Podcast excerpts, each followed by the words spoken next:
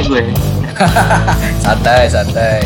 Oke, oke. Selamat malam. Uh, selamat datang di After Five podcastnya para pekerja 9 to 5 bersama gue Faren dan Bro Titis. Uh, apa kabar Bro Titis? Baik, Faren. Ini tumben ya. Kita harus mengakomodasi speaker kita. Kita harus recording Kamis malam nih, khusus buat. Kamis nih.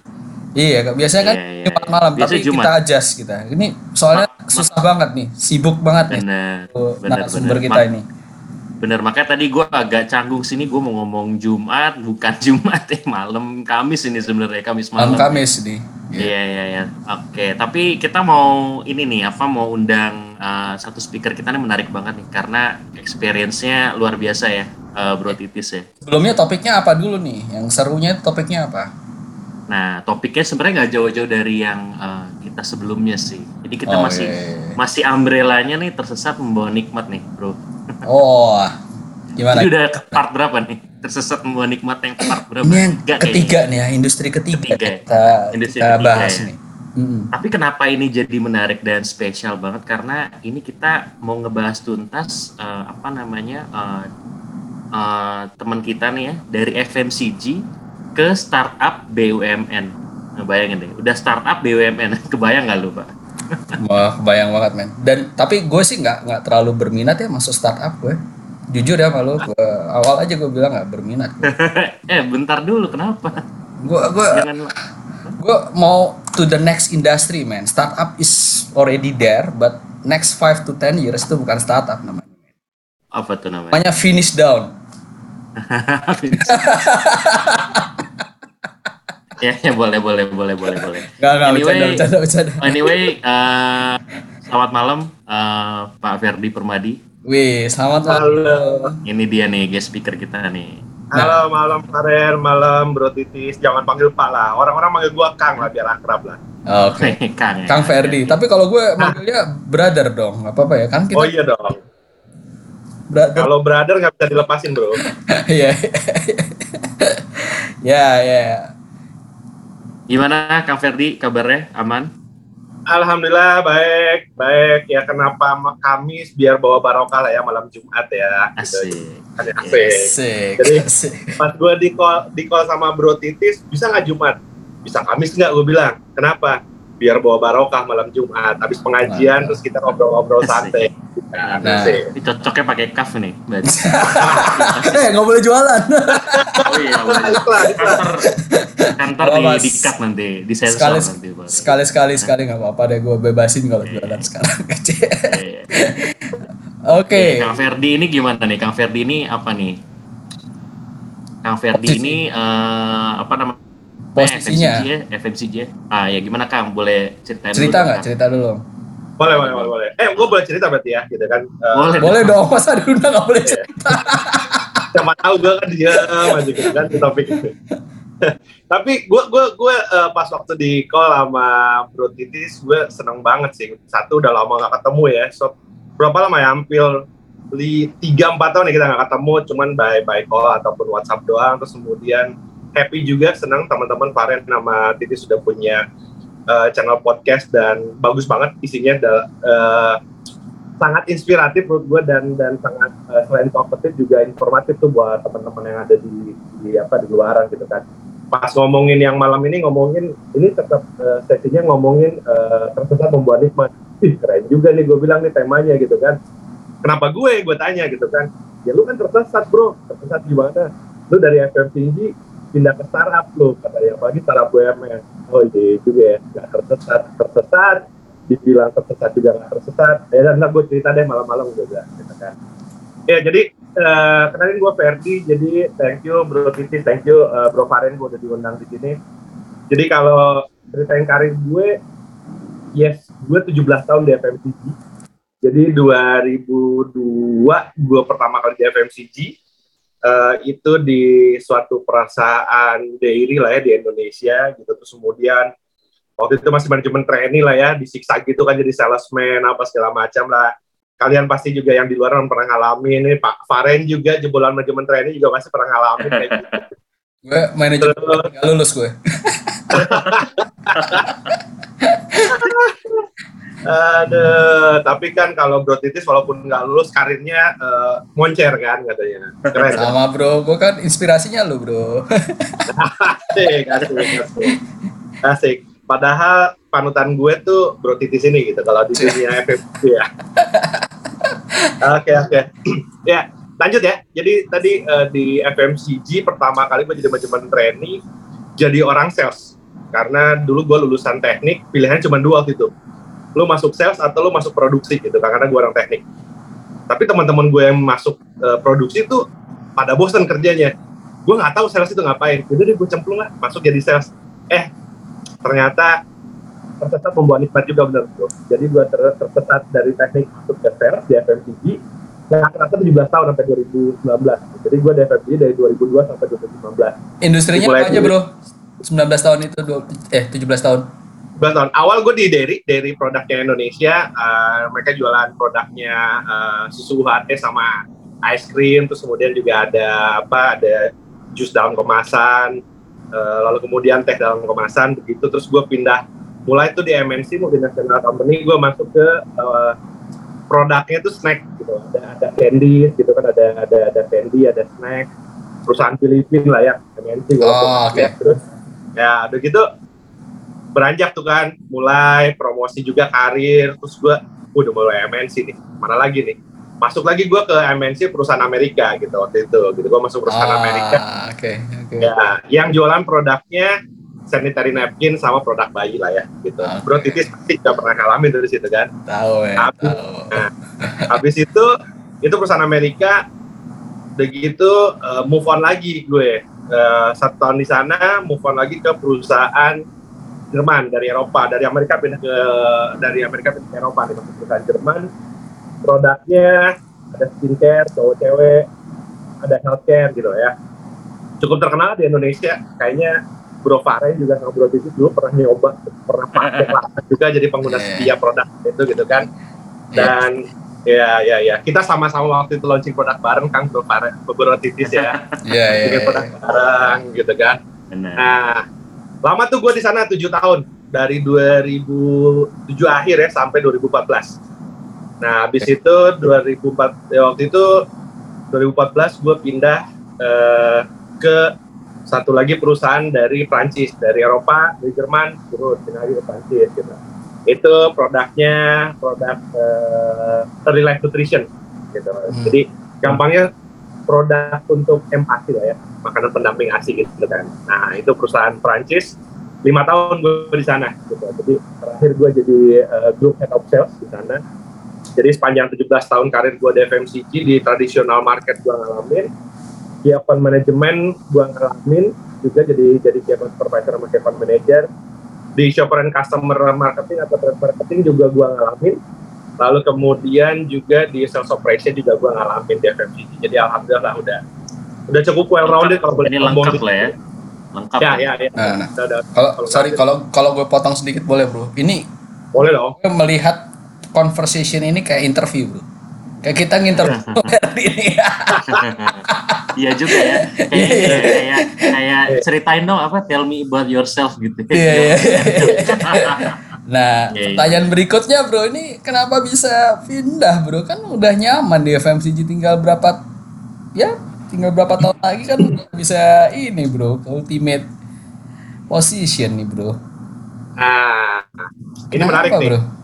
ya ya ya uh, at the end kan orang juga pengen ada di ultimate position yang lo bilang kan oh gue pengen jadi dari supervisor pengen jadi manager manager senior manager jadi head hmm. dari head pengen jadi director habis itu jadi CEO atau GM gitu loh. Uh, goalsnya kan kayak gitu ultimate kayak gitu. Gue juga sama gitu bro. Jadi orang kan pindah kerja money is one thing but not everything kan? Gitu kan? Gitu. tapi ya ya wajar juga ya kalau orang ngejar-ngejar duit kan butuh juga buat hidup ya tapi kan juga ada gue ngerasa ada learning curve yang yang mesti kita dapat sih ya. jadi ada ada dua alasan gue bilang kenapa sama teman-teman yang nanya ke gue kenapa lu pindah ke startup dari yang well established FMCG dari multinational company lu pindah ke startup yang produknya baru dan tidak berbentuk produk juga itu kan nggak kelihatan kayak kayak lu misalnya jualan tadi jualan snack lu kan kelihatan buat snack jualan gitu kan ke toko gitu kan lu bawa produk skincare lu bawa produk healthcare ketemu buyer. Terus masyarakat tuh tahu kategorinya oh kalau gua mau beli ini lu tahu user behavior shopper behavior kayak kayak gitu lah. Ya. gitu kan. Agak agak agak teknis gitu kan kayak gitu. Cuman di end gue ngerasa bahwa ada yang gue belum gue sebutin. Kalau gue tuh cabut dari satu company jurninya biasanya kalau gue udah selesai ngerjain sesuatu udah nggak ada yang lagi dikerjain sistemnya udah jalan gue resep sama bos gue gue pengen pindah nggak dikasih jadi gue pindah itu itu itu jurninya Berarti kemarin yang lima tahun udah ini, uh, Bro Titis. Legasinya udah Udah tulis tuh di situ. salah satunya itu, salah satunya itu salah udah, satunya udah itu ini lah, udah ada legacy lah ya. Oke oke. Nah, kerjaan gue udah tinggal jalan-jalan, Ren. Kerjaan gue jalan-jalan keliling seluruh Indonesia. Oke, udah bagus, ini udah bagus. Jualan ngapain gitu ya. Nah, Iya iya. nah, iya. terus gue uh, ngelihat bahwa ini gue kalau pengen jadi jadi director, ultimate-nya kayak Pak Pratitis ini kan gue juga mesti mesti leverage gue punya skill knowledge kan, punya kompetensi capability gue masih bagus gitu kan, kayak kayak gitu lah. Nah, gitu terus, wah belum ada kesempatan nih gue di, di FMCG mungkin at that time, tapi terus gue ngelihat bahwa apa yang yang yang yang gue belum punya ya untuk punya skill set jadi jadi yang ultimate at least buat gue gitu bukan bukan gue perlu nge-proven eh di Ferdi ini kurang jago gitu. Kalau lu hire dia pasti bagus lah nggak juga gitu. Kalau gue sombong banget ya siapa lo gitu siapa gitu. Nggak juga sih. Nah cuman eh, itu yang pertama. Yang kedua adalah habis itu eh, gue ada ada discussion nih sama sama suatu startup. Nah HR-nya kontak gue ngobrol-ngobrol-ngobrol-ngobrol-ngobrol eh ini dari mana? Gue bilang ini produknya eh, produk startup nih. Startup kan banyak di luaran gue bilang gitu. Ada yang A B gitu loh. Ada yang ada yang unicorn ada yang enggak ada yang eh, terus kemudian baru muncul terus mati gitu. Startup itu banyak juga gitu tapi banyak juga startup yang yang yang apa yang survive gitu. Tapi juga kok cara mainnya di luaran berantakan gitu. Itu yakin ini startup gue bilang. Iya. Cuman gue tertarik boleh deh ceritain ke gue deh kenapa eh, produknya apa kayak gimana gitu. Jadi kita produknya adalah eh uang digital nih gitu uang digital gitu produknya. Oh gitu. Tapi kagak gue nggak jual duit kan karena kan nggak boleh jual duit gue bilang. Ya enggak mas nggak boleh jual duit. Gimana gitu loh? Apa gitu loh produknya? Gue nggak kebayang gitu dari FMCG yang terakhir gue jualan produk susu gitu kan. Terus kemudian lu suruh jualan duit gimana caranya jualan duit? Kan nggak boleh negara jualan duit. Bingung dong gue gitu kan terus kayak gimana cerita deh lebih dalam. Ketemu deh. Ya udah ketemu. Waktu itu belum pandemi tuh 2019 alhamdulillah belum pandemi. Hmm. 2019 eh somewhere around April lah pas puasa kalau nggak salah. Mei gitu ya. Gue ngobrol-ngobrol-ngobrol-ngobrol nah ternyata si startup ini juga didirikan sama 10 BUMN terkemuka di Indonesia bro. Waduh, itu ah, dua hal yang berbeda bro, startup sama BUMN. Beda banget Bukannya gue diskreditkan BUMN ya, cuman itu secara culture kan harusnya beda bro. Ini Jauh ya banget ya. Mm-mm, jauh. eh, makanya gue Banget. bingung bro. banget bro ya waktu diceritain ini didirikan sama 10 BUMN terkemuka di Indonesia gitu Wow. ah BUMN gue bilang kebetulan kan bini gue kerja di BUMD gitu kan terus Ya. kemudian ada beberapa keluarga di BUMN pegawai negeri gitu ya kita kebetulan gue hidup di di keluarga yang birokrat bukan demokrat ya birokrat. Makanya gue kerja di swasta juga makanya gue kerja di FMCG karena gue avoiding those kind of conflict gitu kan. Hah, BUMN birokrat. Are you sure Ferdi? Dalam hati gue abis abis ngobrol-ngobrol belum lagi interview itu gue serius nggak ya? Kok gue gue tapi gue dengerin sampai habis. Biasanya kadang-kadang gue kalau interview kan gue nggak dengerin sampai habis gitu kan. Kalau nggak karena gue pernah waktu itu di interview jadi sales director perusahaannya security bro nyediain tenaga security gitu tenaga pengamanan gitu. Jadi ada yang lucu juga tuh. Nggak terus habis itu ini oke startup didirikan sama 10 BUMN terkemuka produknya gue sama sekali belum pernah pakai eh, dan lain sebagainya lah. Sampai ada satu eh, titik poin terus gue tanya deliverables gue apa kalau gitu? Gitu. Kalau gue Ah. FMCG lah. FMCG kan pokoknya orang sales ya udah lu jualan sales karena itu yang jadi frontlinernya perusahaan kan. Jadi salesnya banyak dan salesnya bagus karena cuannya bagus marginnya company survive gitu. Kurang lebihnya kan gitu kalau gitu. tapi padahal prosesnya panjang gitu kan. Terus gue jualan apa nih? Kan nggak mungkin jualan duit gitu kan. Dan produknya kan berbentuk biasa gitu kan. Nggak nyata gitu kan. Dan dan BUMN gitu loh dengan segala macam. Yang menurut gue ada time nah muncullah dua, dua alasan kedua gue gitu bahwa setelah dijelasin bahwa ini tuh kita mau menyasar uh, masyarakat tier 2, tier 3 itu di luar kota-kota okay. besar lalu kemudian uh, mau masuk ke orang-orang mas aspiran segmen uh, kalau ngomongin di FMCG SES lah ya social economic ah. status gitu yang uh, C below gitu kan oh gitu oh, oke okay. terus gue bilang oh terus cara mainnya tapi kan lewat lewat smartphone kan uh, nggak semua orang punya smartphone dong gue bilang gitu. ternyata uh, at, uh, dan itu berbasis internet kan gue bilang. Dan ternyata gue juga gali lagi bahwa uh, penetrasi internet di Indonesia itu udah 92 persen ya luar biasa ternyata. Penetrasi internet di Indonesia udah 92 persen. 92 persen bro. Betul. Terutama terutama gara-gara pandemi. Gara-gara pandemi itu uh, lebih naik lagi. Cuma sebelum pandemi penetrasi internet bagus di angka 90 persen itu cuma karena dua hal YouTube sama Facebook. Oh. Tapi mereka nggak pakai yang lain. Even googling mereka nggak nggak nggak pakai kayak search Google terus kemudian apa mereka nggak pakai. Mereka cuma pakai dua, YouTube sama sama Facebook. Udah lah ya itu. Udah terus kemudian oke. Okay, jadi deliverablesnya apa? Ya lu masuk ke tier 2, tier 3 SES below untuk mendukung inklusi keuangan. Maksudnya ya supaya orang-orang di Indonesia tuh terpapar uh, perbankan salah satunya oh gitu. Gue mulai karena usia gue udah mulai uh, kepala tiga lewat mau menjelang empat gitu kan. Udah udah udah tua lah ya dibilangnya gitu kan. Terus gue mulai nanya kayak gini ya terus selama gue kerja for a better cost ngapain ya? Gue belum pernah kayaknya berkontribusi sama negara nih gue bilang. Gitu asik gitu kan. Udah mulai udah mulai kan udah mulai nasionalisme. udah mulai, udah mulai nasionalisme gitu kan yang gue selama kerja kayaknya gue nyari karir nyari ilmu nyari duit gitu kan. Terus gue dihadapkan dengan kesempatan gue bisa berkontribusi buat negara gue satu. Yang kedua gue pengen ngebuktiin buat gue sih kalau ini kan katanya perusahaan yang didirikan sama birokrat-birokrat. Keluarga gue tuh birokrat nggak asik gitu ya. Gue mau bikin asik gitu kan harusnya gue gue jadi influencer di, di, di company itu supaya organisasinya asik gue bilang. Dan uh, harusnya gue punya pengalaman 17 tahun di FMCG men, karena managing team karena terakhir gue di perusahaan yang terakhir di FMCG gue manage 2000 orang kan. Harusnya gue punya nih. Harus gue harusnya gue punya skill gitu loh. Uh, karena gue tanya ini company isinya berapa orang? Ternyata company isinya cuma 183 orang final mistaken. 183 orang nggak sampai se seper sepuluh apa nggak sampai seperlimanya di perusahaan gue yang lama. Yaudah deh.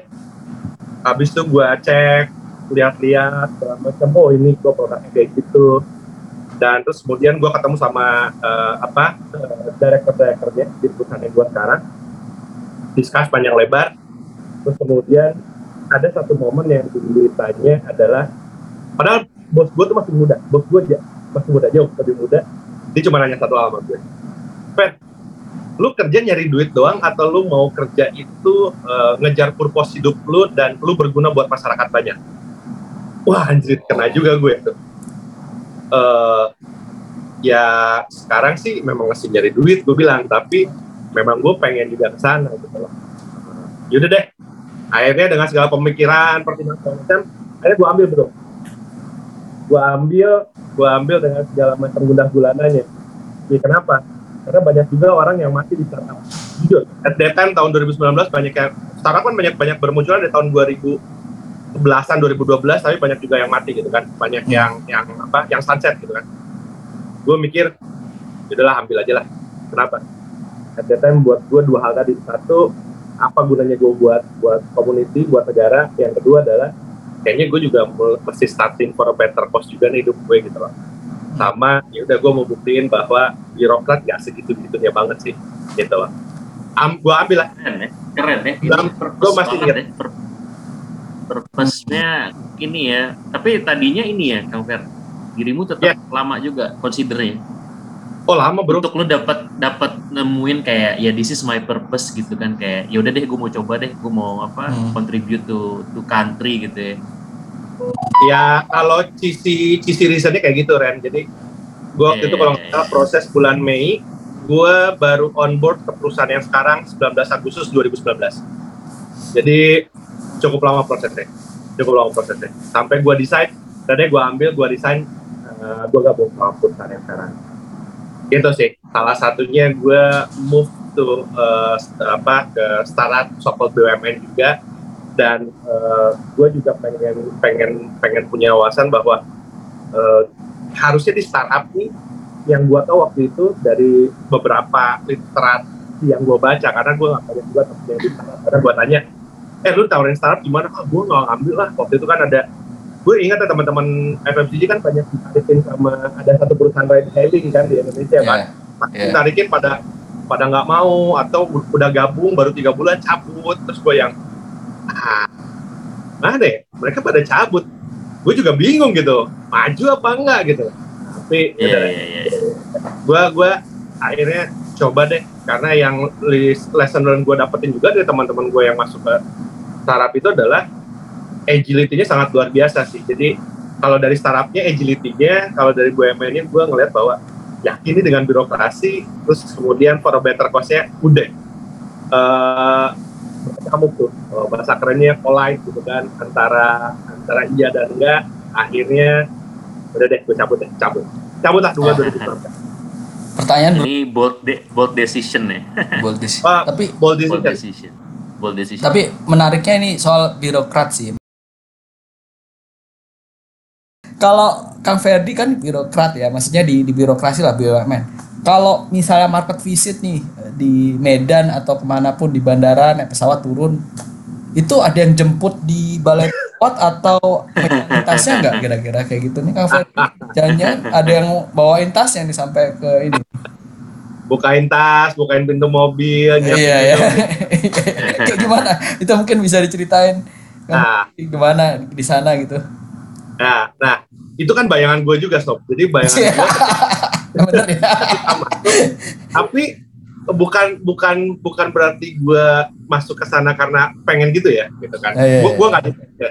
Eh, gini-gini gue juga di startup eh, yang sokol BUMN gue udah vice presiden alhamdulillah gitu kan Alhamdulillah, alhamdulillah. tapi ternyata yang gue pikirin di awal buyar semua sob Oke. Nah, buyar semua, buyar semua. Karena ternyata gue pikir, oh ini birokrasi susah lah, nanti kemudian banyak undah unduhnya, banyak lo eh, nggak enaknya, banyak kan yang bilang oh itu, oh lu mesti pokoknya bos bilang apa lu mesti say yes gitu kan, lu mesti gini banget sama bos, bos sukanya apa lu lu ngikutin gitu Iya. kan iya, nanti ke bawahnya ngikutin gitu kan.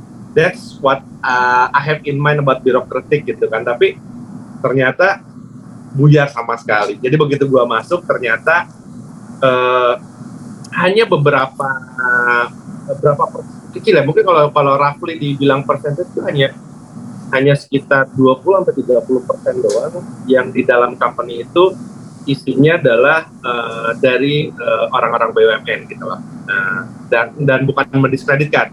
Terus kemudian sisanya ternyata orang-orang yang memang profesional, either mereka berangkat dari industri startup juga, baik itu misalnya startup retailing, startup finansial, startup teknologi gitu loh kan dan lain sebagainya.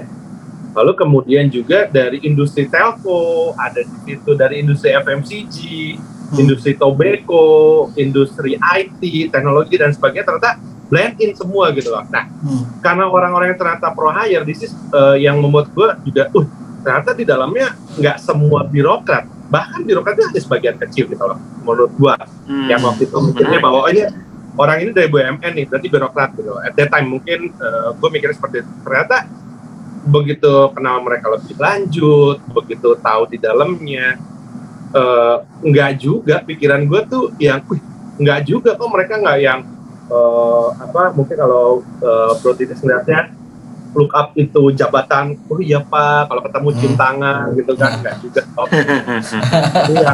ternyata kita tuh semua justru dalam satu perusahaan startup ini we are who who define the culture of the company justru karena kan tadi multi Oke.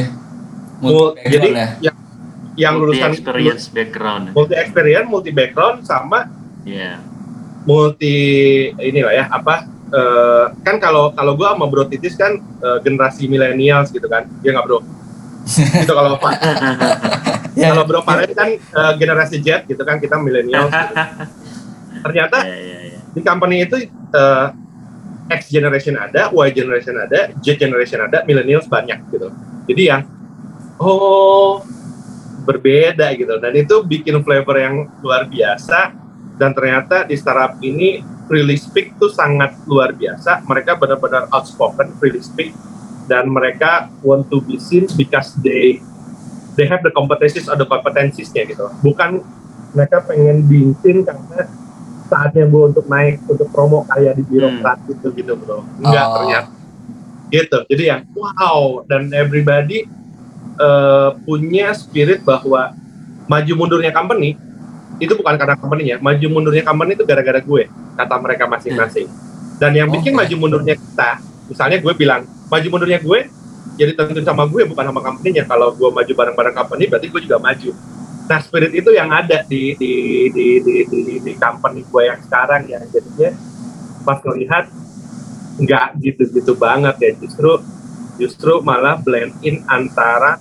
startup yang memang pace-nya cepat karena eh, ngelihat kompetisi, ngelihat market dinamiknya yang luar biasa, plus juga maturity level dari eh, BUMN yang memang sudah established gitu kan. Kan banyak kan BUMN di Indonesia kan ada yang di perbankan BUMN di bidang eh, konstruksi BUMN di bidang FMCG jadi BUMN juga ada yang FMCG gitu kan terus kemudian BUMN di bidang eh, apa sumber daya alam dan lain sebagainya gitu semua blend in memberikan eh, cultivating lah ya memberikan memberikan eh, knowledge-nya buat kita juga sehingga ketika oh kalau pengen good corporate governance-nya kayak gini gitu loh karena ternyata gue banyak belajar dari orang-orang BUMN eh, gimana caranya lu bikin presentasi yang concise itu juga gue banyak belajar tuh dulu kalau di FMCG kan what you have in mind so many insight lu masukin ke dalam Oh. satu powerpoint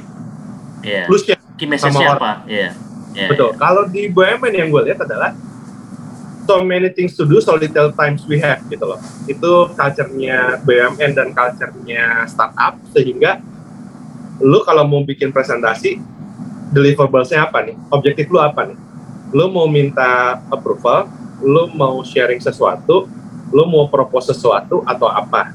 Itu mesti being concise karena dengan waktu terbatas misalnya 10 menit lu harus punya bikin satu presentasi yang misalnya even itu proyeknya gede banget misalnya triliunan lu hanya punya waktu sekian lu bikin jadi satu presentasi lu sampaikan key message-nya apa lu minta apa itu yang gue belajar di sini jadi kalau Hmm. kalau bicara tentang eh, konseptual kalau di FMG kan kita dulu belajar SIMBC katanya kan situasi SIMBC, ya. mekanisme, ya benefit ya kan closing Iya. mereka juga punya dan itu juga advance yang kalau gue bilangnya tak takder jadi lu cuman bikin tiga slide tak takdernya di belakang dan itu lu close apa yang lu mau Karena Itu karena. Kang, Kang, Kang Ferdi, tadi kan dirimu bilang limited time ya. Karena emang orang-orang yang ha, yang eh, decide atau making decision emang maksudnya emang ini ya, dia banyak banget sibuk banget gitu maksudnya. Kenapa masih limited time tadi ininya?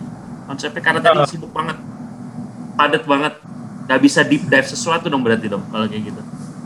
Enggak juga, enggak juga bro. Uh, don't don't get don't get me wrong dengan ngomong kayak gitu. Jadi mungkin kalau waktu kita di FMCG kan biasanya misalnya kita FMCG multinasional atau FMCG uh, nasional gitu kayak bro karen sekarang gitu kan. Biasanya kan layernya adalah dari misalnya mulai staff, supervisor, manager, senior manager, head, director. Habis itu kemudian kalau di multinasional company director report, reportnya ke ke region, region reportnya ke global gitu kan. Kalau di di mungkin national company terus kemudian reportnya sama ownernya gitu loh.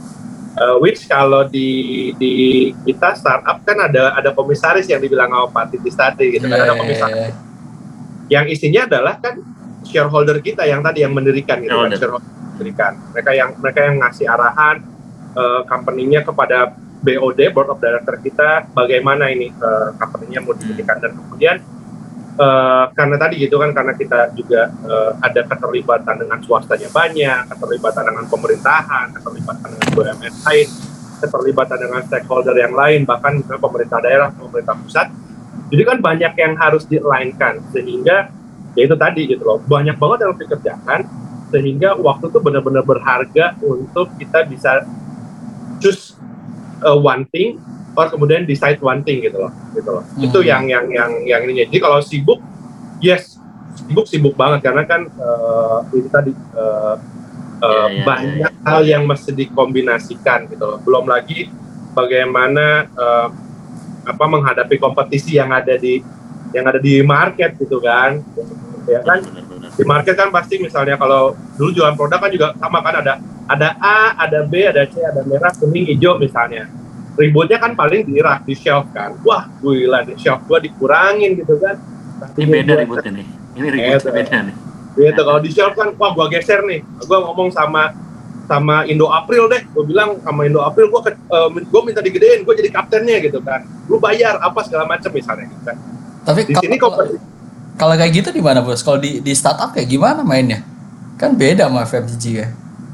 Uh, uh, quite different. Karena kan tadi gitu FMCG kan lu bermainnya adalah uh, lu market share tapi sama gitu. Alat ukurnya juga kita punya market share gitu kan which is sama gitu. Jadi kita juga kita juga pakai juga uh, apa lembaga-lembaga riset dan survei yang memang udah established di Indonesia yang memang mengukur tentang uh, tadi gitu kalau dulu waktu di marketing kan kita punya brand funnel gitu kan dari mulai uh, awareness lalu kemudian consider try retain loyal di sini juga sama gitu loh di sini juga sama kak yes gimana tapi kalau kalau FMCG kan memang banyak lah ya kalau tapi kalau startup yang sekarang mungkin Bro Ferdi ada itu lebih ke arah kalau ngeliat dari awal tadi cerita itu lebih ke arah bikin penetrasi ini cepat buat SIS kelas bawah ya gitu atau hmm. seperti itu kan jadi ya. KPI utamanya secepatnya orang penetrasi adopsi gitu ya berarti ya literasi digital ini ya literasi ya. finansial ya.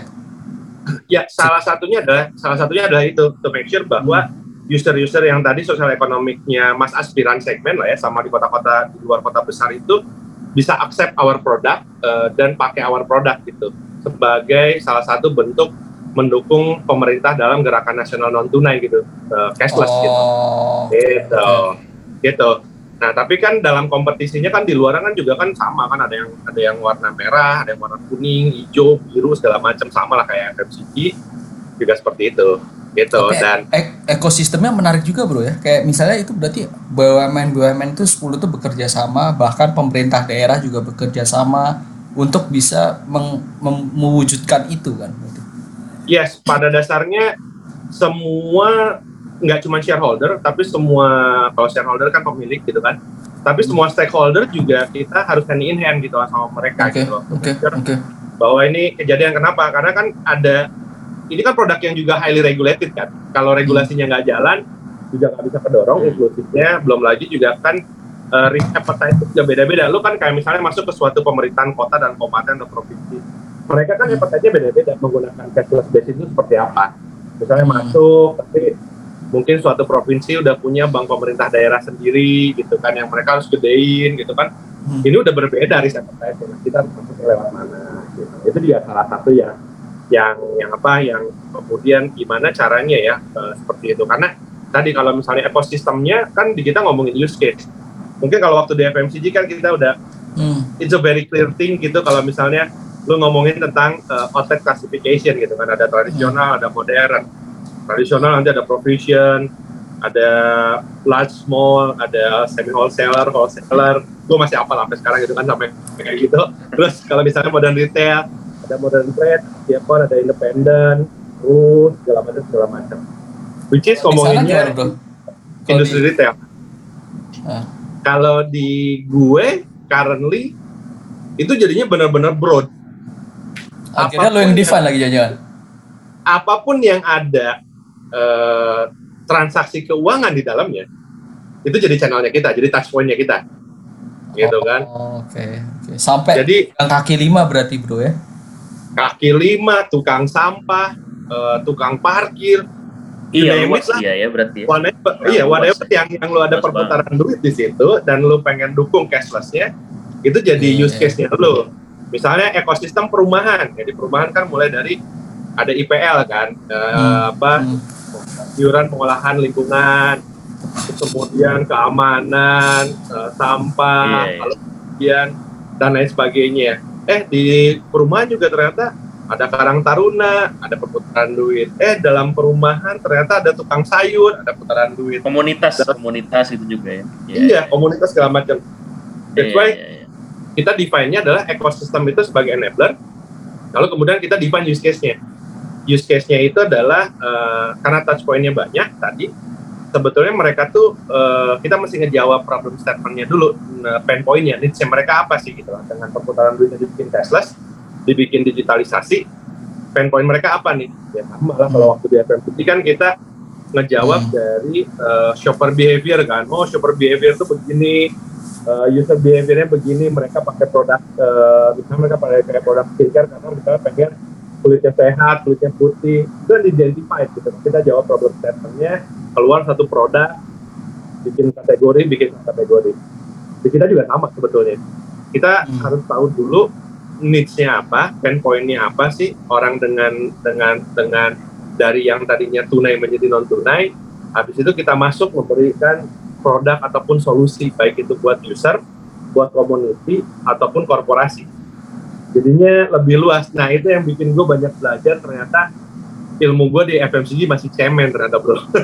Iya, benar. Ini gue gue overwhelmed tapi Benar. good news-nya karena di FMCG lu tuh belajar tentang sistematika Iya. itu kepake banget dalam industri startup karena Structure lah ya, atau structure ya berarti ya. itu karena Banyak startup itu yang mungkin sunset karena eh, mereka ngejar hype-nya. Gua gua gua nggak judging ya, gua nggak nggak nggak nggak juga eh, diskreditkan, tapi kenapa banyak startup yang nggak nggak sukses, yang survive adalah karena mereka masuk ke industri yang memang agility-nya tinggi, kompetisinya tinggi, they burn the money, they got the investment, they burn the money, lalu kemudian mereka lupa dengan bahwa keywordnya harus juga diolah yang namanya sustainability, which is ngomongin sistem kan. Lu harus di establish sistemnya, develop sistemnya, lalu kemudian lu harus ngelihat marketnya, ngejawab respond to the market, ngejawab punya use case apa atau produk apa, lu kasih, diterima, akhirnya orang bisa akses produknya karena this is the product that give us solution gitu. Ya mungkin Hmm. kalau Bro Faren sama Bro Titis kan udah kelasnya kan SES-nya A, udah gitu kan kelasnya super premium, pasti udah biasa dengan uh, cashless gitu kan. Kalau nggak gesek kartu kredit, ngetap pakai QR gitu kan, wah pasti udah udah cashless gitu kan. Tapi juga Gua- Gua gua- cashless gara-gara ini. Nah, Fer, Gua cashless ya, Kalau kok. sama Pak Titis dibayarin, Pak Titis kalau gua. Gua cashless itu biasanya tanggal 24 gue, Bro. Asik.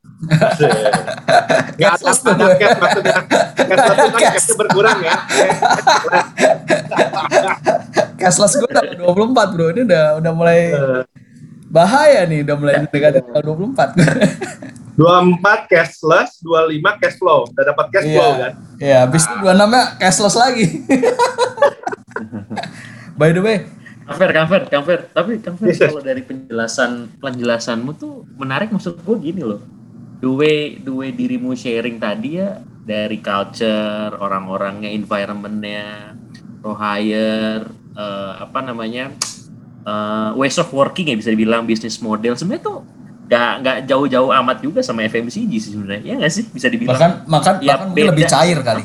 Menurut gue malah lebih cair kan. maksud maksud gua tadi kalau the way Kak Ferdi ini eh, ya nggak gitu-gitu amat juga nggak yang kayak jauh banget gitu ya karena kalau gue lihat tadi prosesnya ya mirip-mirip aja KPI juga sama ya Kang Fer tadi kan ya Iya. sama Ya. juga kan Hmm, Eh, mirip lah kalau- maksudnya.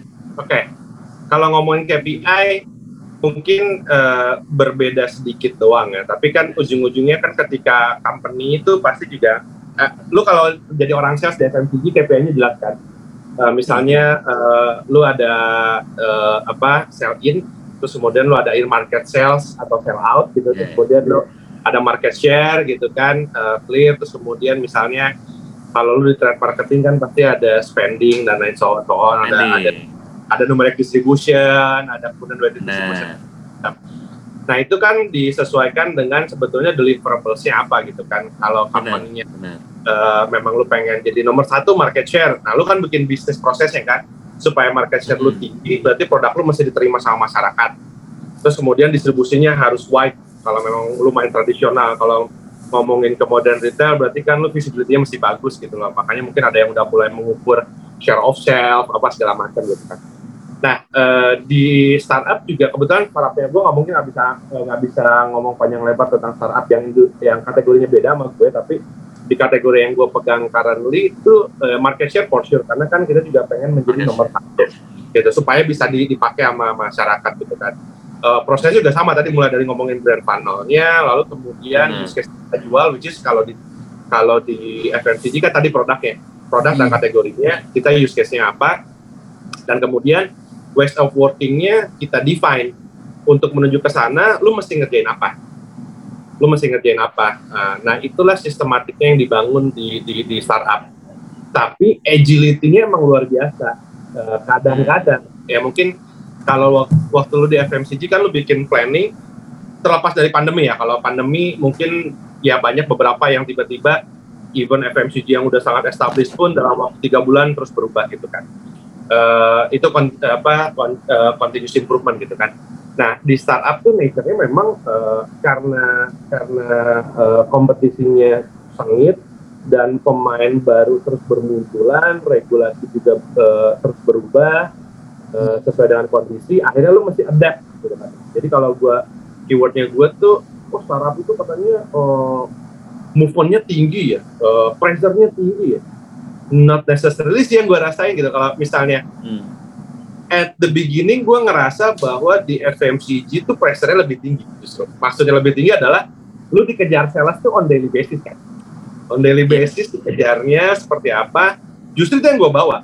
Itu yang gue bawa ke tim gue ketika gue establish uh, tim gitu di, di current current position gue, gue jadi jadi VP yang megang uh, tim se Indonesia untuk memastikan bahwa produk kita bisa diterima se Indonesia Hmm. eh, tim gue juga multi multi mul- selain multi etnis, multi culture, mul- multi background gitu. Jadi ada, Background, background. ada yang startup apa segala macam, ada yang FMCG.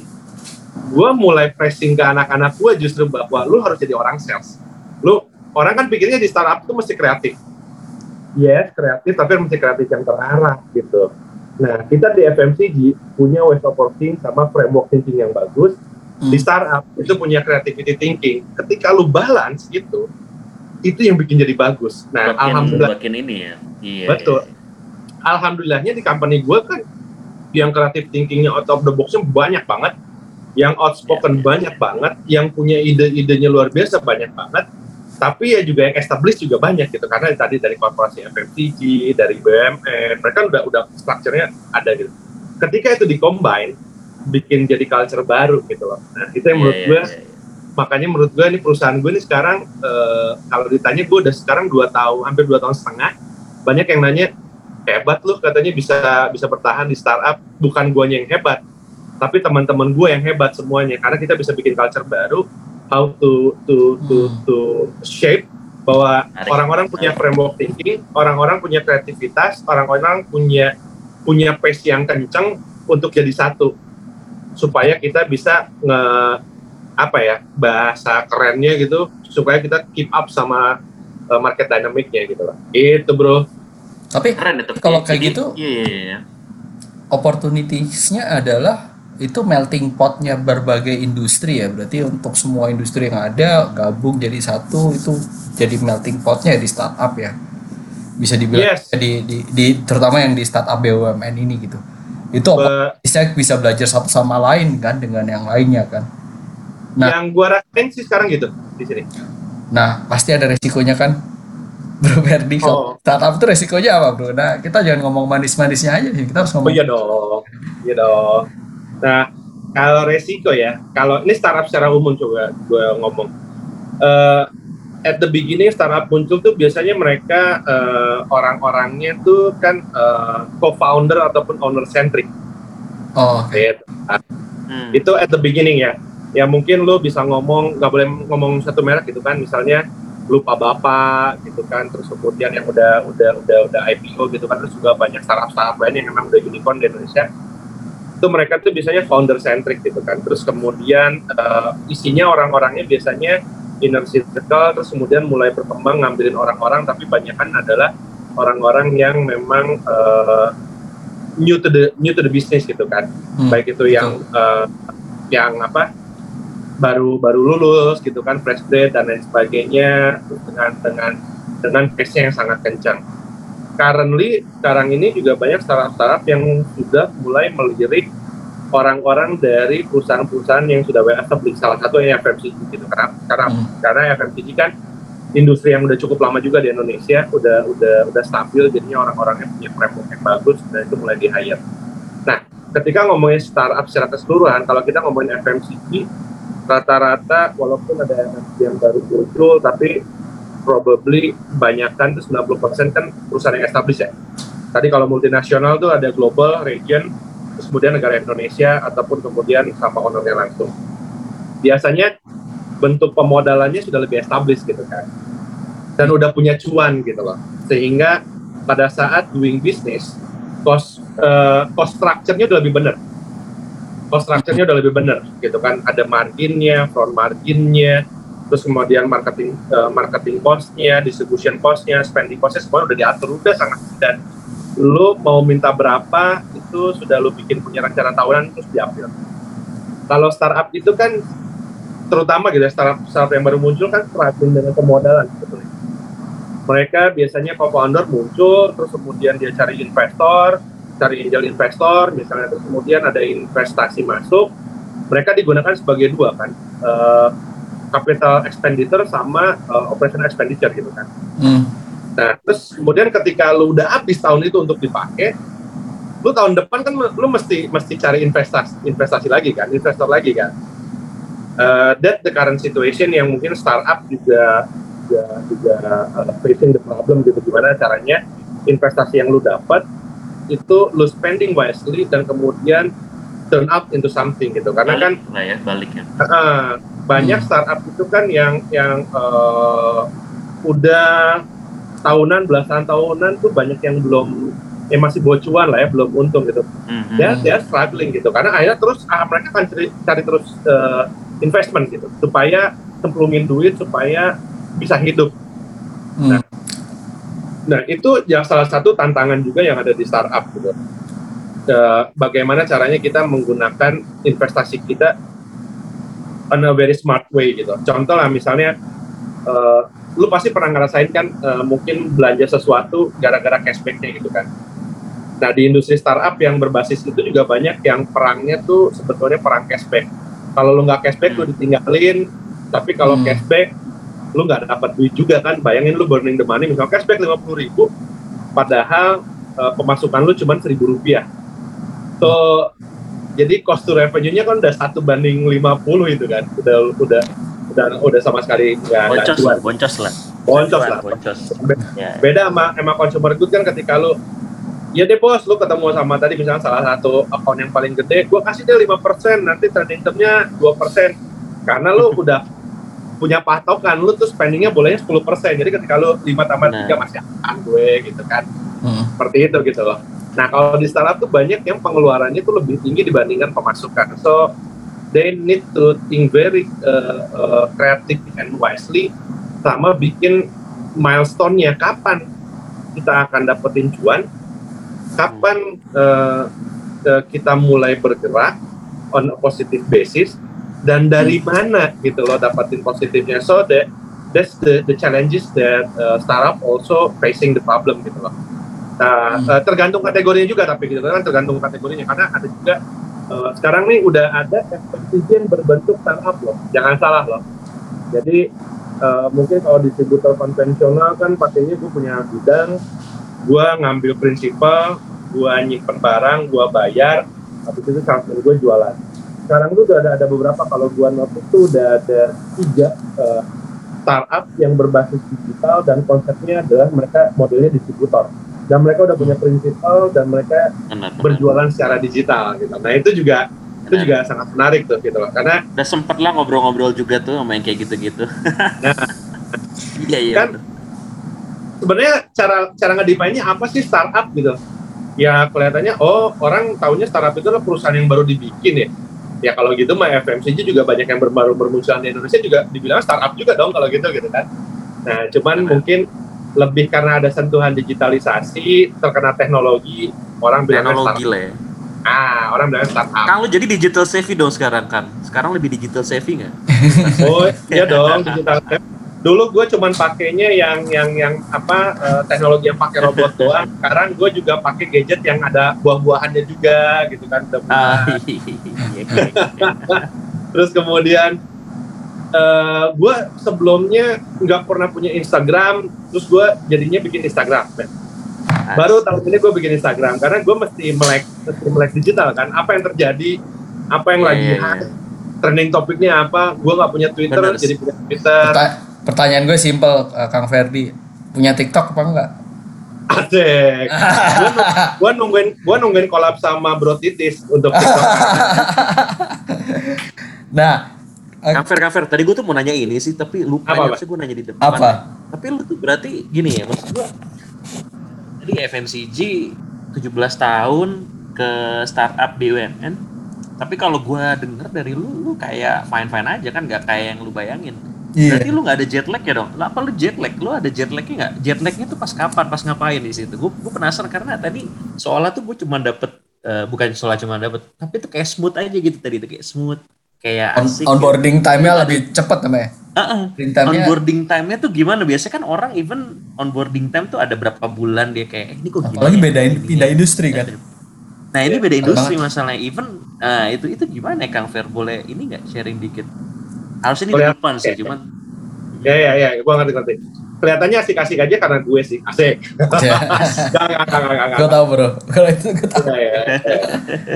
Kalau struggling, struggling bro. Jadi Jadi Oke. imagine lu dari perusahaan yang sangat established, lu produknya udah tahu jualannya kayak gimana, lu masuk ke suatu yang eh, menurut gue the time gelap gimana caranya gue jualan, dan kemudian di come up itu something gitu loh. Eh, struggling periodnya ada gitu loh dan eh, gue harus banyak belajar tentang eh, adaptasinya gitu loh. That's on- onboarding tapi karena tadi this is a startup company jadi mungkin eh, jet lag atau overwhelmnya gue yang 17 tahun di FMCG masuk ke startup itu juga lumayan turbulence tapi again eh, keywordnya adalah startup agility tinggi, speednya tinggi, lu mesti kencang juga, lu mesti lu mesti keep up juga gitu. Arti, akhirnya ya tadi gitu yang tadi gue cerita bahwa gue punya Iya, iya, iya. mulai digital savvy, mulai mulai tersentuh uh, sosial media karena itu sesuatu yang something that very much you, lu punya, lu harus punya, lu harus tahu.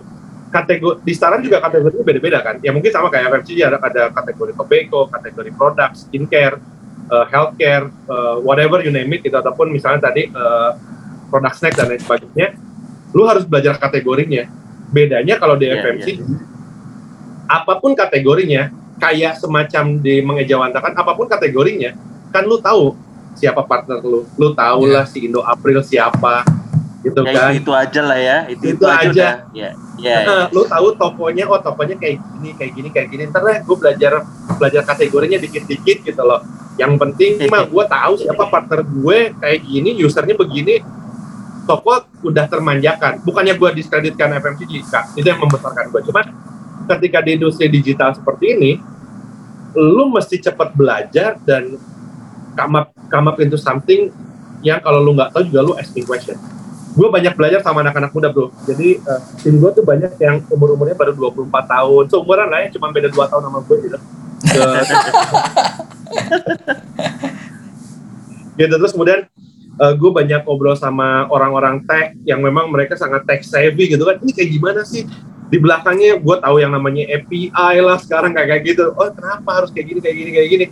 Dan ya lu mesti mesti mesti berangkat dari zona kenyamanan lu gitu lu di FMCG iya. punya framework bagus lu pegang buat bikin sistemnya tapi lu harus cepat belajar kategori yang lu pegang sekarang karena it's a very different game changer different Hmm. uh, uh, touch point different angle-nya juga gitu dan lu kan jualannya Ini bukan jualan produk gitu jadi iya. lu harus harus harus belajar harus belajar cepat dan gue belajar sama tim di bawah gue anak-anak yang lebih muda jauh lebih muda sama juga gue belajar bagaimana tentang stability sama orang-orang yang lebih di atas gue gitu. Di nah itu menurut gue yang yang yang bikin uh, stability-nya akhirnya setelah overwhelm period gue mulai oh kayak gini ya Nah, kayak gini ya.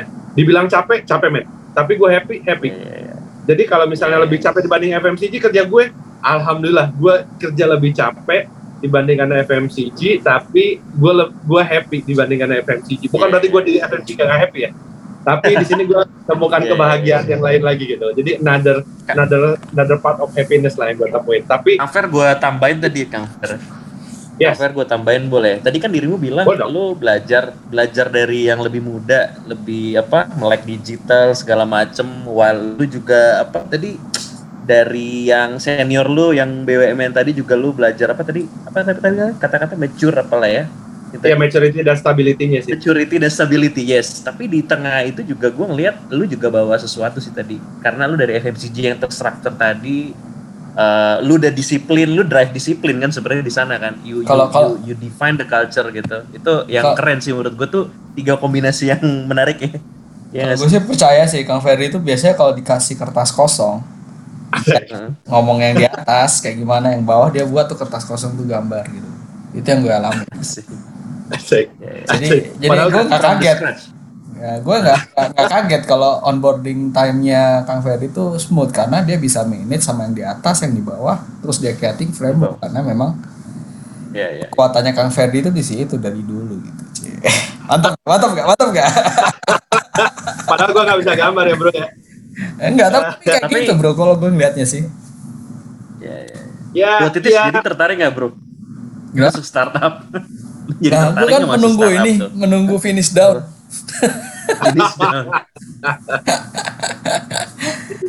Tapi eh, ini balik lagi sih, sebenarnya yang menarik sendiri kan kalau onboarding time tadi kan kita sudah discuss sama Kang Ferdi sebenarnya to be successful di BUMN atau startup ini kan Kang Ferdi sudah ngerasain ini dua setengah tahun kan.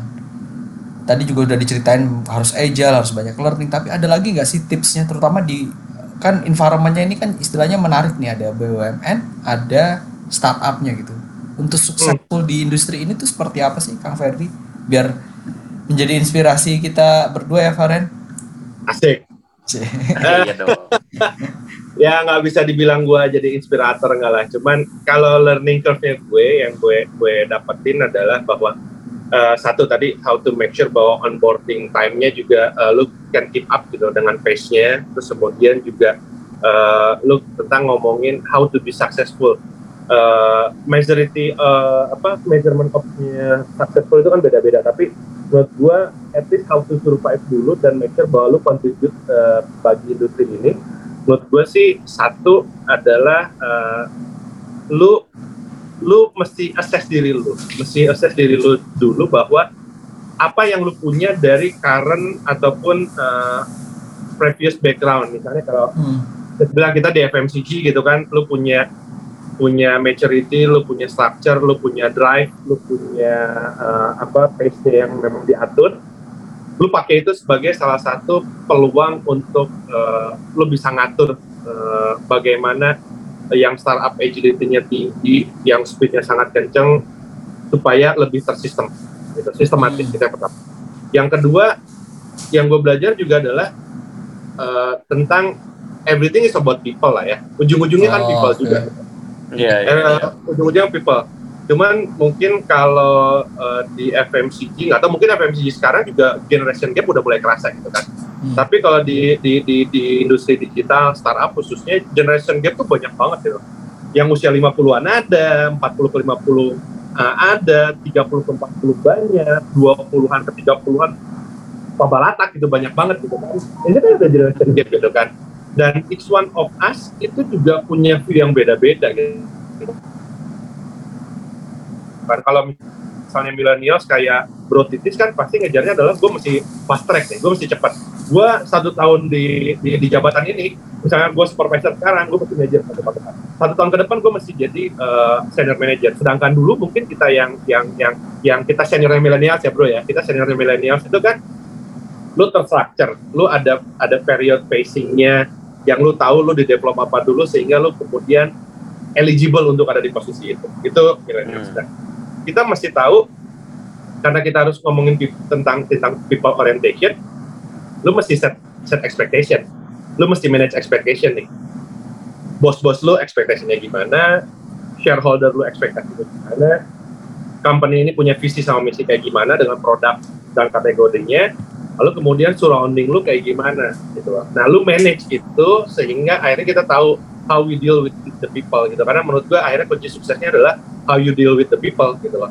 How you make sure bahwa lu menggunakan potensi terbesar dari tim lu, lu menggunakan potensi terbesar dari diri lu, tapi lu set expectationnya juga sehingga akhirnya semua uh, pace-nya bareng gitu loh. Karena kan kalau misalnya oh ini dari dari perusahaan yang udah established ya, pace-nya gini, standar startup tinggi gitu ya lu atur lah bareng-bareng lah. Kalau kalau Bro Titis kan juga udah sebagai seorang pelaku maraton pasti kan pertama lari kan pace misalnya pace, pace berapa bro? Pace 10 turun yeah, jadi 8, 7, 5. Nah, itu yang kita atur juga. Jadi gue belajar dari Bro Titis tentang maraton yang ngatur pace.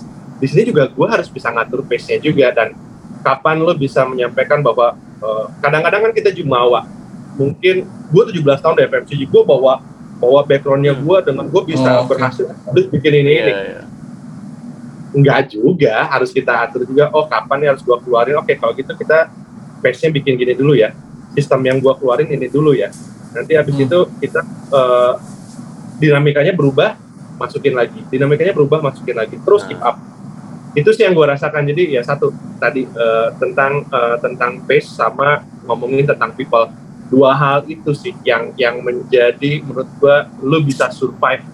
Dan ujung-ujungnya kan mungkin yang terakhir yang ketiga adalah lu mesti mesti hidup dengan passion lu gitu kan. Kan dibilang tadi kan money, money is one thing but not everything lah ya. Uh, passion lu kan tentang apa gitu. Kalau passion lu bikin organisasi yang bagus ya hati nikmati. Passion lu pengen jadi world class sales team ya dijalanin gitu lah bro. Itu sih. Ya. Menariknya tadi uh, Bro Faren itu adalah ini sih uh, gimana caranya untuk people tadi itu yang gue pick up adalah stakeholders management sih. Dengan tim ya, lu, ya, ya. dengan peers lu dengan bos lu. Terus yang kedua itu juga soal ini sih uh, passion tadi juga. Itu yang buat lu moving untuk untuk apa namanya untuk bergerak untuk lu bisa apa namanya passionate day to day-nya itu ada. Ya sama tadi lu kalau ya satu hal yang dipelajarin adalah tadi kalau pindah ke company baru itu jangan bawa wah gue udah pernah 17 tahun atau berapa yeah, yeah. white belt gitu. Nah dari situ belajar bareng karena ada proses unlearn-nya juga karena kita juga harus belajar kan dari orang lain gitu. Nah tapi ada banget, lain kita juga harus belajar juga ke orang lain gitu. Nah, gitu. Jadi kadang-kadang jurus-jurusnya dikeluarin tuh sama Kang Ferdi. Ini jurus A-nya dulu yeah. dari jurus B. Jangan dulu tapi tahu deh ya, kapan jangan dikeluarin semuanya. kapan tahu ya Iya, jangan dikeluarin semuanya.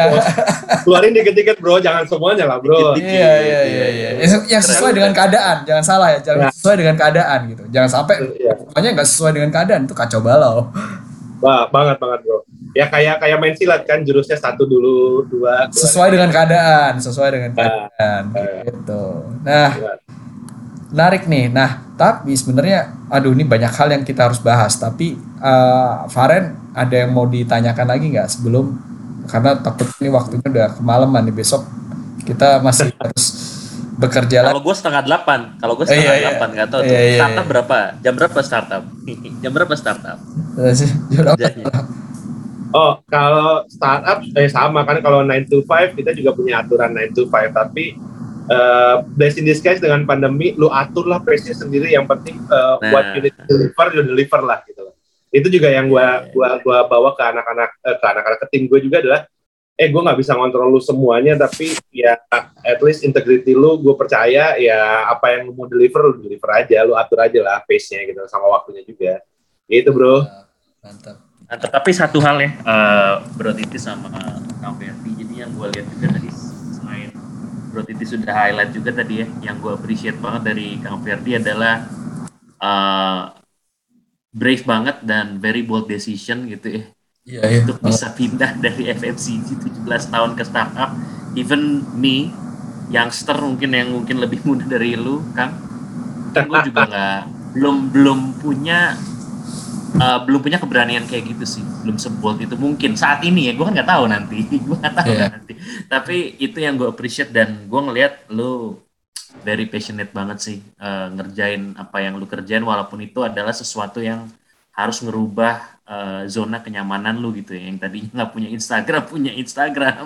Yang tadi harus nggak melek digital jadi melek digital. So gue appreciate banget sama your bold decision and apa ya your inilah uh, agility dan apa tadi passion sih terutama sih untuk tetap terus berkarya apalagi tadi purpose-nya gue suka banget sih purpose-nya apa untuk country ya which is kan gue juga sekarang kan di local company kan pengen buat ini memajukan produk ya. negeri ya. anak negeri bangga buatan Indonesia bro Yoi, keren. Gue juga loh, gue gue juga brand gue brand lokal.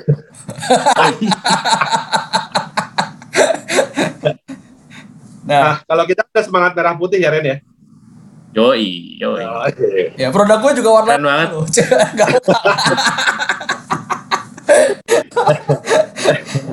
Oke. Oke, Kang Ferdi. Keren banget. Ya, Thanks, tapi at di, di ujung-ujungnya adalah sebetulnya yang dibilang sama Faren juga tadi ya, ya kita banyak belajar sih Ren. Uh, yep. Itu yang yang jadi ketika gue senang sama judulnya nih, tersesat membawa nikmat. Betul, tersesat tapi nikmatnya adalah eh, gue banyak belajar ternyata. Gue bego nah. ternyata. Banyak banget yang gue bisa pelajari gitu. Dan akhirnya lebih lebih lebih holistik lah. Itu sih. Satu kata terakhir Kang Ferdi. Satu kata hmm. terakhir nih. Ini kan ini sebelum menutup malam Jumat nih. Eh, jadi lu rekomend nggak ke startup untuk orang-orang FMCG di sana? Singkat ya, singkat uh, recommended banget tapi lu mesti choose wisely. Ah yeah, recommended choose wisely Gitu. Insightful.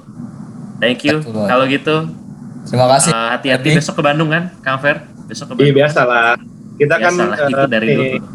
Kita kan weekend weekend father. Oh, Oke. Okay. Thanks berat. Good luck, uh, Kang Ferdi. Thank you banget. Happy weekend lah. Happy Friday deh ya. Udah lupa. Yeah, yeah. Kirain biasa. Ya, happy Friday. Thank you banget uh, Bro Titi. Thanks Mudah-mudahan uh, keep in touch dan kita bisa menginspirasi banyak orang ya. Asik. Sip. Thank you, Ferdi. Good luck. Ya, jadi, Bro Titis siap move ke ini dong, startup dong. Uh, itu cuma Tuhan yang tahu.